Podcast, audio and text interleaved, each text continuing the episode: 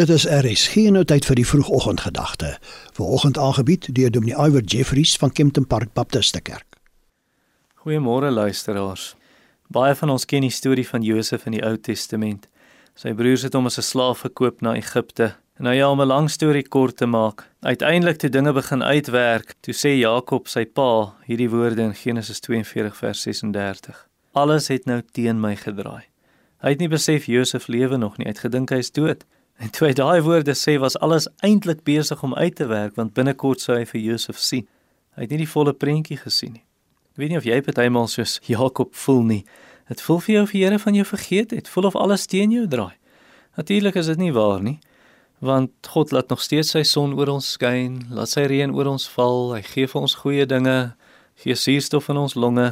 En as jy gelowig is, 'n stap verder, Wat sal ons dan van al hierdie dinge sê as God vir ons is? Wie kan teen ons wees? Selfs ons vyande wat teen ons is, besef nie die Here gebruik dit in sy groot plan om vir ons te werk. Romeine 8:28 sê tog dat God alles ten goeie laat meewerk vir die wat hom liefhet en die wat volgens sy besluit geroep is. En dink net hieraan. Sal God sy seun gee om 'n aaklige dood aan 'n kruis te sterf vir jou sonde en vir my sonde? Dat Christus selfs 'n vervloeking word vir ons volgens Galasiërs 3:13 maar dan weerhou die Here kleiner dinge van jou. Dinge soos die hemel, dinge soos genade om jou swaar kry te verduur. Hy wat self sy eie seun nie gespaar het nie, maar hom oorgegee het vir ons almal. Hoe sal hy ons nie saam met hom alle dinge genadiglik skenk nie? Nou dalk voel jy, jy weet nie of dit in jou geval so is nie, men jou gewete kla jou aan en sê vir jou jy kan nie 'n kind van die Here wees nie. Kyk wat 'n swaar kry moet jy deurmaak of jy het vriende soos Jobsin wat jou aankla of 'n prediker wat vir jou gesê het die rede hoekom jy swaar kry is jy het nie genoeg geloof nie of die duiwel wat vir jou kom sê jy 'n kind van die Here. Is dit hoe dit met kinders van die Here gaan? Hierdie leiding wys God is teen jou. In daai gevalle moet jy Paulus se woorde in Romeine 8 onthou.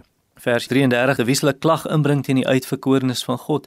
Dit is God wat regverdig maak. Wie is dit wat veroordeel? Christus is dit wat gesterf het, meer nog wat ook begrawe is, wat opgestaan het, wat aan die regterhand van God is en wat vir ons intree. Jesus is jou advokaat.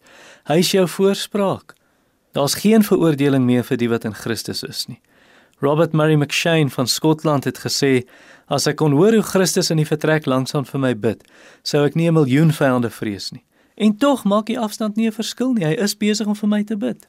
Jesus bid vir jou dat jy deur jou lyding sal volhard, dat jy nie jou geloof sal verloor nie, net soos hy vir Petrus gebid het in Lukas 22:31 en 32.